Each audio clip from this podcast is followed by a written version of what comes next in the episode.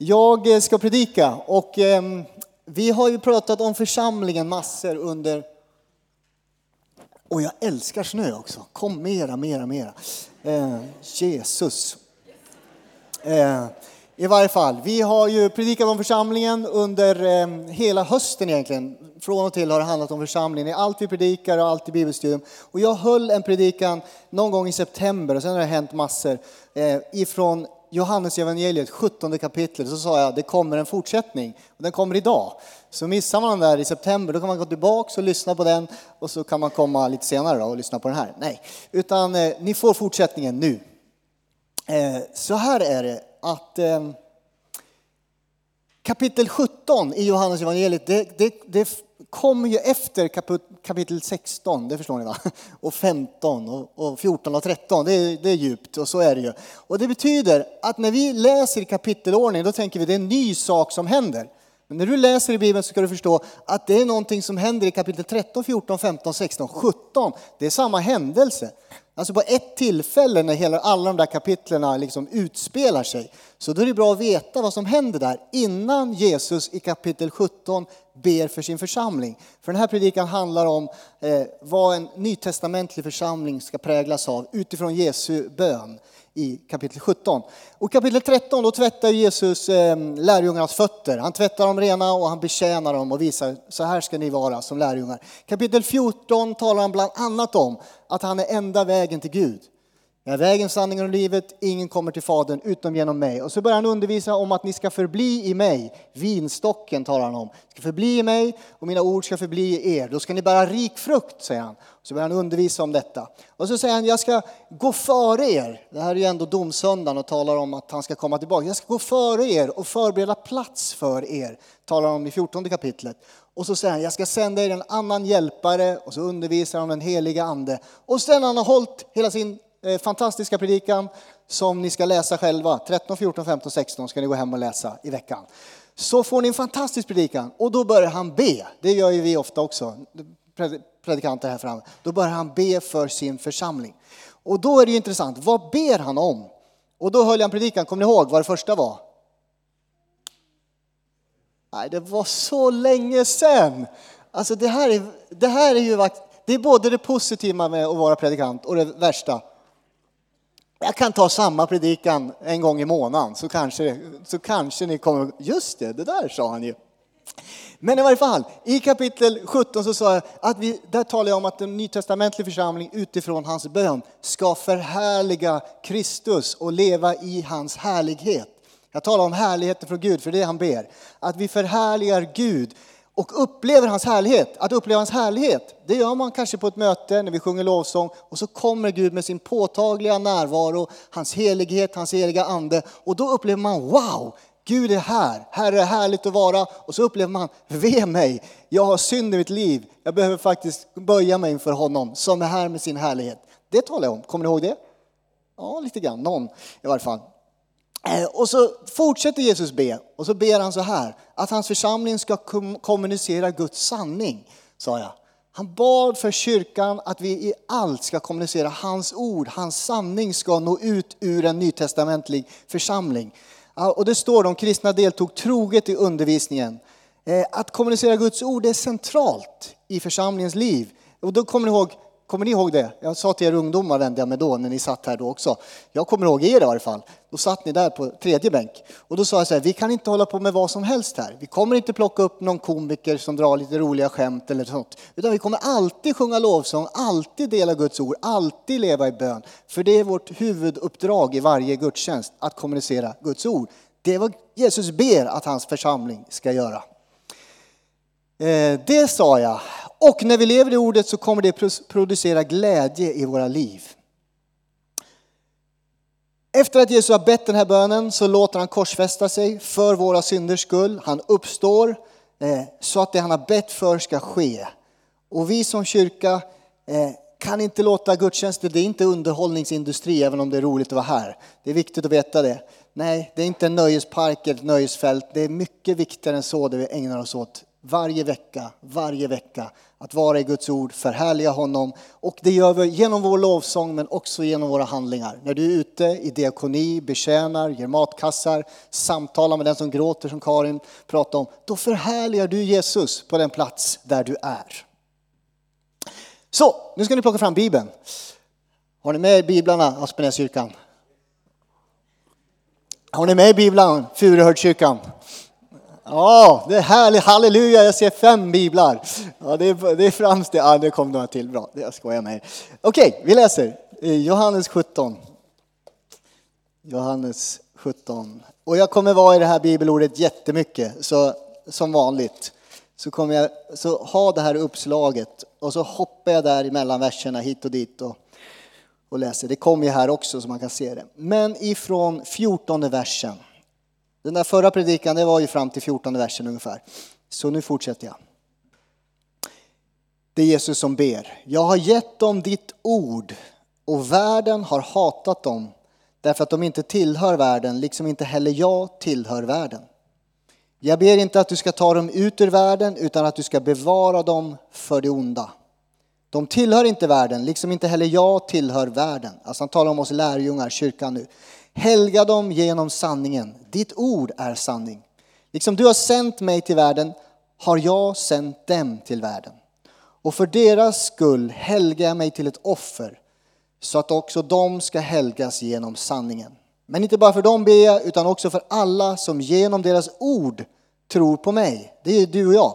Genom deras ord, de här i lärjungarna här för 2000 år sedan, genom deras ord så har det kommit och nått ända fram till oss. Jag ber att de alla ska bli ett och liksom du fader är i mig och jag i dig, att de ska vara i oss. Då ska världen tro att du har sänt mig. Kanske läste för långt, men vi stannar där till att börja med. Alltså, för mig är det helt uppenbart när jag läser i Bibeln att Jesus, eller Gud, Jesus vill att hans församling ska nå ut med evangelium. Det har vi pratat om många gånger och jag ska säga det nu också. Så som du har sänt mig, Fadern har sänt Jesus, så sänder jag er in i den här världen. Och vår församling har haft ledord det här året, att vi vill vara närmare Jesus, närmare varandra och närmare andra. Och vi har talat jättemycket om nära Jesus och under hösten jättemycket om nära varandra, bygga församling igen. Och nu kommer jag liksom till det här närmare andra. Vi vill nå ut med evangelium. Det här har ni hört förut, men jag hoppas ni ska höra det igen och vilja gå. Gå ut och predika, jag läste ju det. Gå ut och predika eller förkunna evangelium för hela skapelsen. Den som tror och blir döpt ska räddas och den som inte tror ska bli dömd. Och dessa tecken ska följa den som tror att i mitt namn ska de driva ut demoner, de ska ta ormar med sina händer, om de dricker dödligt gift ska det inte skada dem och de ska lägga sina händer på sjuka och de ska bli friska. Det säger Jesus till sina lärjungar och så står det, de gick ut och så står det, och Herren bistod lärjungarna med kraft. Det är liksom fundamentalt, det är ett av våra ledord också i församlingen. Vi har ju det här, älska Herren din Gud, din nästa och det är så som dig själv. Och sen att gå ut, det är så viktigt. Det är liksom stommen i våran församling. I vers 20, vad stod det där? Jag läste. I vers 20, men inte bara för dem ber jag utan också för alla dem som genom deras, deras ord tror på mig. Det är det jag menar. Alltså, att du och jag tror idag beror på att någon har berättat för dig, eller hur? Någon har gått ut och förkunnat och berättat och vittnat om Jesus och så har du kommit inom hörhåll för det vittnesbördet och så har du kommit till tro. Så jag tänker om du går ut och berättar, om du sitter på din arbetsplats och berättar om vad Jesus betyder för dig så kan det dyka upp människor inom hörhåll och höra evangeliet. Och när de hör kan de också börja åkalla det de börjar tro på och bli räddade. Så ut med budskapet på alla möjliga sätt. Vers 18 är nyckelordet. Ordet är sänd, sända, så som du har sänt mig. Alltså Fadern sänt Sonen, så sänder jag dig. Du är ett sändebud, om du inte visste det. Så har du ett uppdrag i den här världen att vara ett sändebud från Gud in i världen. Du är en ambassadör, ska jag säga. Vet du vad en ambassadör gör?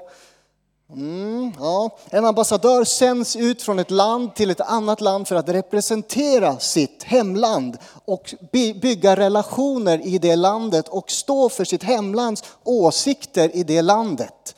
Det betyder att du är en ambassadör för Kristus. Det betyder att ditt hemland är himlen, du är sänd på jorden och för att leva med honom, gå med honom och representera honom på den här platsen. Så dina åsikter är ju intressanta, men Jesu åsikter är ännu mer intressanta. Vad ditt hemland har för åsikter är mer intressant än vad du har för åsikter. Så när du delar och gillar och kommenterar på sociala medier i olika sammanhang, då representerar du Kristus och du är en ambassadör för honom i den här världen för att bygga relationer. Medla i konflikter, alltså de som har konflikt med Gud. Där kan du medla, för du vet vad din fader där uppe i himlen tycker. Han som sände sonen sänder dig för att vara ambassadör i den här världen. Solklart, tycker jag. Ehm, Jesu vision är att hans lärjungar ska sändas ut och faktiskt genomsyra, det är det jag använder ordet för något, att genomsyra den här världen, förmedla Guds ord så fler kan komma till tro och få en relation med levande Gud. Världen måste räddas, det är angeläget, så angeläget. Eh, ibland undrar man liksom, vad är visionen för vår församling, kanske du undrar. Och jag kan säga det, den har inte ändrats under 2000 år. Det är samma idag. Gå ut i hela världen och förkunna evangelium för hela skapelsen. På olika sätt, nå ut med evangelium. Gå ut, gå ut, gå ut. Det är Jesu vision för dig och mig och för den här kyrkan. Församlingen är en enda organisation ska jag säga, eller förening som faktiskt finns till för sina icke-medlemmar. Det är jättekul att du är här. Jag är jätteglad att du är här. Men vi finns hela tiden till för de som ännu inte är med. Det finns så många fler som behöver komma med. Det här är inte en välsigna mig-klubb, även om jag vill att du ska bli välsignad. Det här är en förening som vill nå ut, en organisation, organism som vill nå ut för att välsigna andra. Är ni med mig? Eller mot mig? Som jag brukar säga nu för tiden. Jag tycker det var så roligt. Det var han från Livets Ord som sa det en gång. Eh, Sebastian, eller vad han hette när han predikade. Är ni med mig eller är ni emot mig? Och det har jag börjat använda. Det tycker jag är bra. Sen är det så roligt för det står i Bibeln så här, om Gud är för dig, vem kan då vara emot dig? Så jag brukar tänka det, om Gud är för mig, då spelar det ingen roll om ni är emot mig. Jag predikar ändå. Mm. Jag vill att du ska bli välsignad. Jag vill att du ska få en härlig stund i kyrkan. Men den känslan är sekundär faktiskt. Syftet är att vi förhärligar eh, Gud, läser och lyssnar på hans ord, utrustar oss för en tro som sänder oss ut. Att alltid sträcka sig ut, alltid gå ut, alltid evangelisera. Församlingen har en tendens, ska jag säga, eh, när man blir lärjunge, att över tid så börjar man vända sig inåt. Jag har den tendensen. Att nu är det ganska mysigt i Furakyrkan, ganska trevligt här och nu har jag det ganska bra. Och så börjar man vända sig inåt och så börjar man kanske det kan bli så att man slutar sträcka sig utåt. Det är farligt i varje fall. Det är en fara som kan ske. Det fanns en gammal kyrka en gång. Eh, det finns många gamla, alltså en kyrkbyggnad, eh, när jag pratar om kyrkan nu. Det fanns en gammal kyrka någonstans där det stod så här, vi predikar Kristus som korsfäst, stod det. Det är väldigt bra, det är det, och uppstånden. Och sen växte det en klängväxt upp på den där fasaden. Och till sist så stod det, vi predikar Kristus korsfäst. Och inte uppstånden var inte kvar längre, utan växten hade växt för. Sen var det, vi predikar Kristus, det är också bra, som korsfäst. Vi predikar Kristus, att den fortsatte växa det här trädet på fasaden. Vi predikar, stod det sen till sist. Och det är också bra, men började, då börjar det spåra ur lite. Vad predikar ni då? Och sen står bara ordet vi kvar. Alltså kyrkan har blivit helt introvert. Vi är här i varje fall. Det där vi predikar Kristus som död, uppstånden och korsfäst, det hade försvunnit. Och när det försvinner i en kyrka, då dör den. Jesu församling dör inte, alltså den kommer att spridas över hela jorden, kom ihåg det. Det här har med Gud att göra, talar Dan om. Det här är den levande Gudens församling, den kommer alltid växa. Men den lokala lilla församlingen kommer att braka samman när man slutar förkunna Kristus som död och uppstånden och levande idag. Och omvändelse och frälsning, man försvinner. Det får inte handla om bara vi och bli introvert, det måste ut. Tre ord som jag vill säga till er för att du ska vara redo på det här. Redo liksom. Tre saker du måste veta. Det här är inte långa punkter utan bara tre ord som jag tänkte på när jag läste texten. Du måste veta, du måste växa, du måste våga gå. Veta, växa, våga. Vad är det du behöver veta utifrån den här texten? Du behöver veta den position du har i den här världen. I Bibeln ordet stod det så här, eller det står i folkbibeln, tyvärr inte den här översättningen jag läste. I folkbibeln så är det så här, att de eh, jag ber att de, de är inte av den här världen, står det i folkbibeln. De är inte av den här, vers 14, vi tar det. Har du folkbibeln kan läsa. Jag har gett dem ditt ord och världen har hatat dem därför att de inte tillhör världen, därför att de inte är av den här världen, står det nu i folkbibeln. Liksom inte heller jag tillhör den här världen. I vers 11 står det så här, gå till vers 11 om ni har Bibeln uppe. Jag är inte längre kvar i världen, men de är kvar i världen. Har ni hört det någon gång? Vi ska leva, vi är i världen, men vi är inte av världen. Det kommer ju härifrån. Vi är som kristna och som församling, vi är i den här världen. Det kan vi inte frångå, men vi är inte av den. Och jag ska försöka förklara det. Du behöver veta din position. Vi lever i den här världen omgärdad av människor som har en annan trosuppfattning än vi. Men vi är inte av den här världen. Vi har ett annat hemland. Vi är bara på genomresa. Det är som att du ska ut och flyga. Du, har ni gjort det? Det var länge sedan nu. Kanske aldrig mer händer, jag vet inte. I varje fall, när vi flyger till Indien, då landar vi någonstans i Europa, kanske på, i Paris först. Och så är man där på flygplatsen, man är bara på genomresa och på väg till Indien. Vi är bara på genomresa, på väg till himlen. Och så kommer jag där på flygplatsen och så tycker jag det här är riktigt härligt att vara. Här stannar jag. Så går jag in på toan och så om jag har lite hantverksskills, det har inte jag. Men, och så ser man, här var det dåligt kaklat. Jag sätter igång och kaklar om det här badrummet. Och då säger alla, men vi är ju på genomresa. Varför är du så upptagen av att ta hand om den här flygplatsen? Lite så. Du får gärna ta hand om ditt hus och ditt hem och allting, men lite så kan det bli. Alltså vi är så upptagna av allt vad den här jorden har att göra och erbjuda att vi inte förstår. Vi är bara på genomresa. Vårt hemland är himlen och vi har ett uppdrag i den här tiden att utföra. Nej, jag ägnar mig hellre åt att kagla badrum eller vad det än är. Ta bilden, förstår den om du gör det, annars släpp den. Vad jag menar är, det vore ju löjligt att hålla på och ägna sig åt massa onödigt i den här tiden. Ordet världen, vad betyder det? I Nya Testamentet handlar i första hand om, eh, i första hand inte om den fysiska världen, inte skogar och träd och dalar och allt det här. Utan ofta när det här ordet världen används så handlar det om eh, ett världsligt system av idéer, av värderingar, filosofier, av moral, av människor som vänt sig bort från Gud och styrs av djävulen. Oh, oj, det är underbart när man är predikant, för det här står i Bibeln. Eh, så använder man de här orden så, så står det i Bibeln. Så, även om jag, vi kan slå upp det om ni har det. Eller det kommer här förresten. Ifrån eh, Andra Korintierbrevet. Ty denna världens Gud, alltså det är inte Jesus det handlar om, det är djävulen, har förblindat förståndet hos dem som inte tror.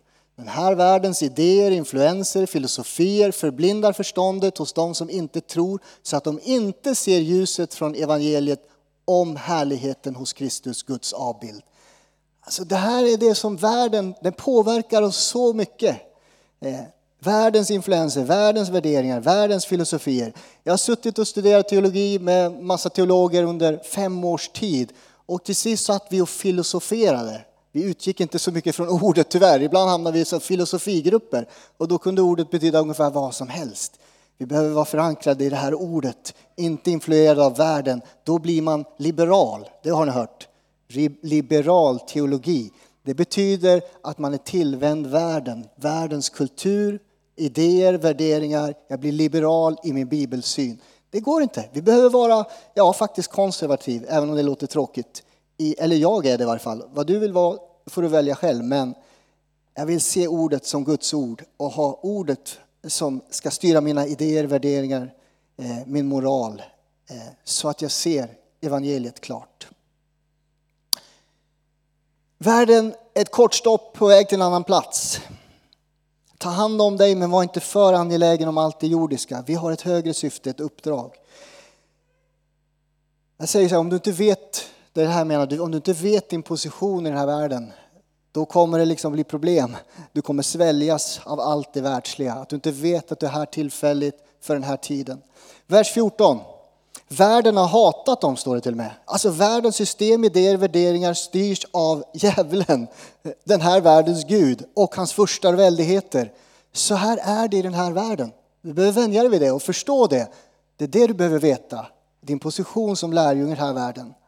Vi måste veta. Annars blir man ju chockad när någonting slår emot en för att jag bekänner att jag är kristen. På arbetsplatsen, på skolan, i idrottsklubben.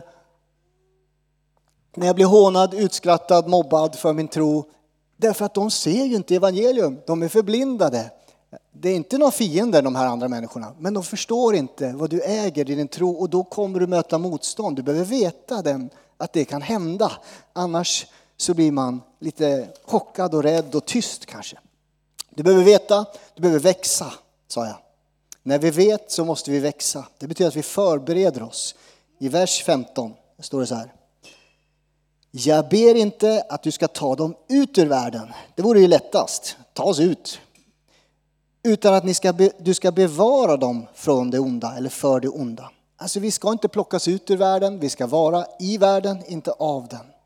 Helga dem i din ande, i din sanning står det. Det är så du överlever, alltså att du ikläder dig Kristus. Jag ikläder mig Kristus. Du vet för att överleva i rymden behöver man rymddräkt. Man överlever inte så länge, men man kan ändå vara ute i rymden. Eh, för att vara i vatten behöver man någon form av våtdräkt och... Ja, vad behöver man? Ah, det var en dålig bild. Du behöver i varje fall någonting annat på dig för att överleva där ens. Och för att överleva på den här jorden så behöver du, som kristen, behöver du ikläda dig Kristus. Alltså jag behöver bada i hans ord, leva i hans ord, äta hans ord. Jag hoppas du gör det, inte bara tar en liten, jag tar en liten eh, eh, smakbit någon gång varannan vecka. Jag lever och äter och är i hans ord. Jag behöver ikläda mig honom. För du lever i en galen värld som kommer att slå emot dig när du vill stå upp för Jesus och gå med honom. Du behöver ikläda dig honom. Paulus talar tydligt om det här. Yes, jag har tid att slå upp det. Eller en del kanske inte tycker det, men jag bestämmer själv. Så vi slår upp det i Efesierbrevet 6.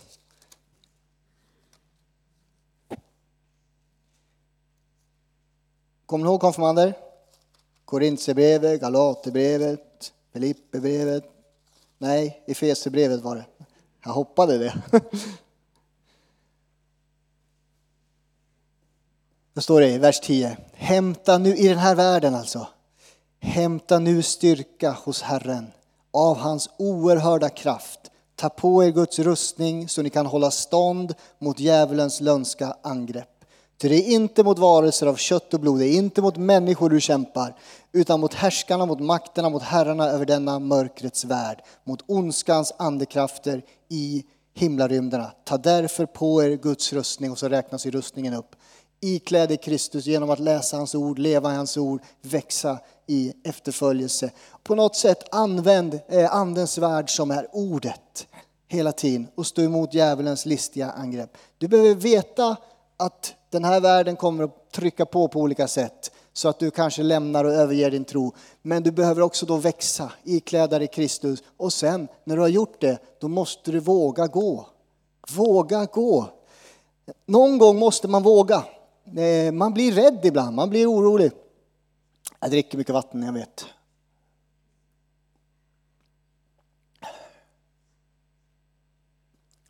Vad skönt med en paus faktiskt. Nu kör vi igen. Alltså, någon gång måste man våga gå. Jag måste gå.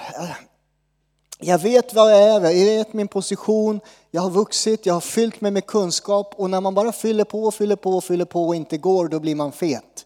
Så är det när man äter mat. Bara äter och äter och äter och så blir jag fet. Vad jag försöker säga är, du kan bli andligt överviktig. Jag har all den här fantastiska kunskapen om Gud, eh, men jag gör ingenting av den. Då är det liksom bara övervikt. Eh, då tycker jag att du ska lämna över lite av all din fantastiska kunskap till någon annan. Så blir du lite lättare och så får någon annan höra evangelium och Guds ord. Alltså då måste man våga gå, lägg av det. Gå ut och genomsyra den här världen. I vers 18 står det så här. Aj då, nu måste jag tillbaks. Vers 18. Står det så här. Liksom du har sänt mig, det har jag sagt flera gånger, till världen har jag sänt dem till världen. Det här är målet med allt vetande, med allt växande, att jag sänds in i den här världen för att leva i den, inte av den. Och jag skrev en predikan direkt efter att jag hade fått barn här nyligen och då började jag reflektera bara den där, jag satte mig ner och skrev den helt förut. så reflekterade jag över liksom tre, fyra områden som jag såg att kyrkan historiskt, hur, hur vi har betett oss när vi sänds ut i världen och vad som har hänt med kyrkan många gånger. Och så sa jag tre felaktiga sätt och ett, ett sätt som vi ska vara, kommer ni ihåg det? Nej, Ni kan gå tillbaka och titta, det finns på hemsidan. Det, det hade, fick en jätterolig rubrik, förlossningens innebörd eller något. Men det är inte det det handlar om, utan det handlar om att gå i väntans tider. Och då sa jag så här, och jag ska ta dem snabbt igen. Alltså en del grupper, när vi är i den här världen, sända till den här världen, så börjar vi isolera oss, sa jag. Kommer ni ihåg det? Eh, det har hänt historiskt. Alltså världen är så farlig, den är så läskig, den är så ond som man isolerar sig. Hela målet är att fly från världen. Det är inte det Jesus säger i den här texten. Man isolerar sig för att skydda sig. Man isolerar sig för den här hemska platsen som kallas världen kan ju påverka mig för mycket. Man isolerar sig och säger kolla vad dåligt de där lever och dåligt de där lever. Man pekar finger, det gjorde fariseerna med. De pekade finger men de lyfte inte ett finger för att hjälpa. Församlingen isolerar sig. Det är inte det du ska göra när du sänds ut. Du sänds ju ut i den här världen. Man vegeterar sig sa jag. Kommer du ihåg det ordet? Ja, kanske. Alltså man blir som en grönsak var det någon som sa. Alltså jag har inte längre någon, man blir helt overksam som kristen. Det händer ingenting i mitt liv. Jag är apatisk, jag sitter framför en skärm, jag käkar chips och väntar på att Jesus ska komma tillbaks. Det, det här inträffar i ett kristet liv, det är fruktansvärt. Jag känner ingenting längre. Världen är på väg att gå åt helvetet, om jag ska säga så. Och ändå så sitter jag där, men jag kommer till himlen, det är bra för mig. Jag känner ingenting. Då har man vegeterat. Fullständigt overksam i den här världen. Det får inte hända Guds församling. Sen sa jag, man börjar imitera världen, sa jag. Alltså, det är kanske är det vanligaste i vår tid faktiskt. Vi börjar imitera den här världen. Vi som kristna, vi vill visa liksom, ah, jag är lika ascool som du. Och så börjar jag bete mig precis som världen. Det är inte eh, särskilt eh, attraktivt när vi kristna försöker på olika sätt vara som världen för att vinna världen. Det fungerar inte. Det är inte attraherande. Vi är annorlunda, vi är en motkultur. Det enda du är kallad att imitera, det är Kristus. Det står så i första Korintierbrevet 11.1, jag ska inte slå upp det. Imitera Kristus. Det är han som du representerar i allt du gör, allt du säger, allt du beter dig. Du imiterar Kristus, han är ditt föredöme när du sänds ut i den här världen.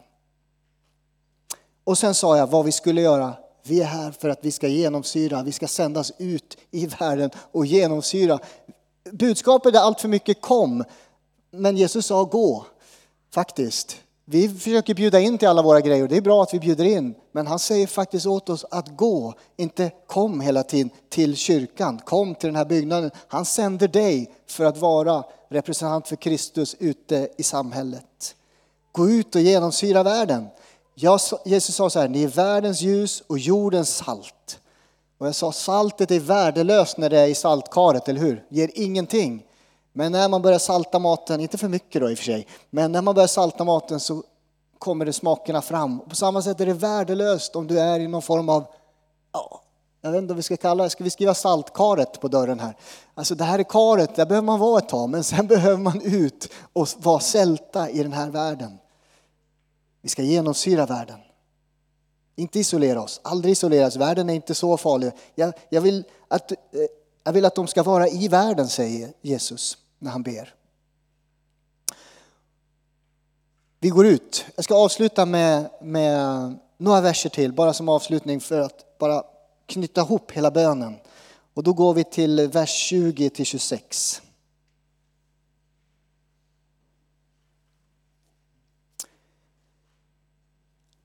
Då står det så här i vers 20. Men inte bara för dem ber jag, utan också för alla som genom deras ord tror på mig. Jag ber att de alla ska bli ett och liksom du fader är i mig och jag i dig, att de ska vara i oss.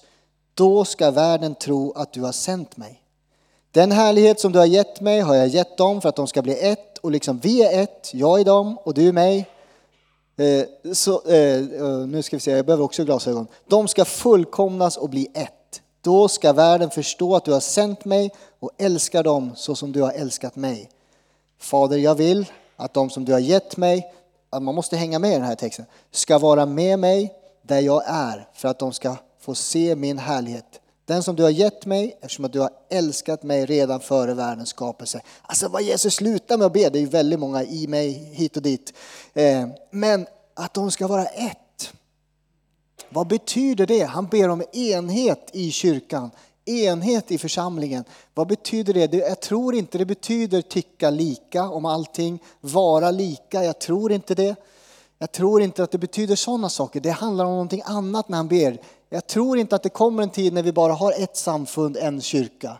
Vi kommer att vara olika samfund, olika kyrkor. Vi gillar olika, olika kultur, stil, olika sätt att uttrycka vår tro, att vara. Det är helt okej. Okay. Den här gudstjänsten är på det här sättet.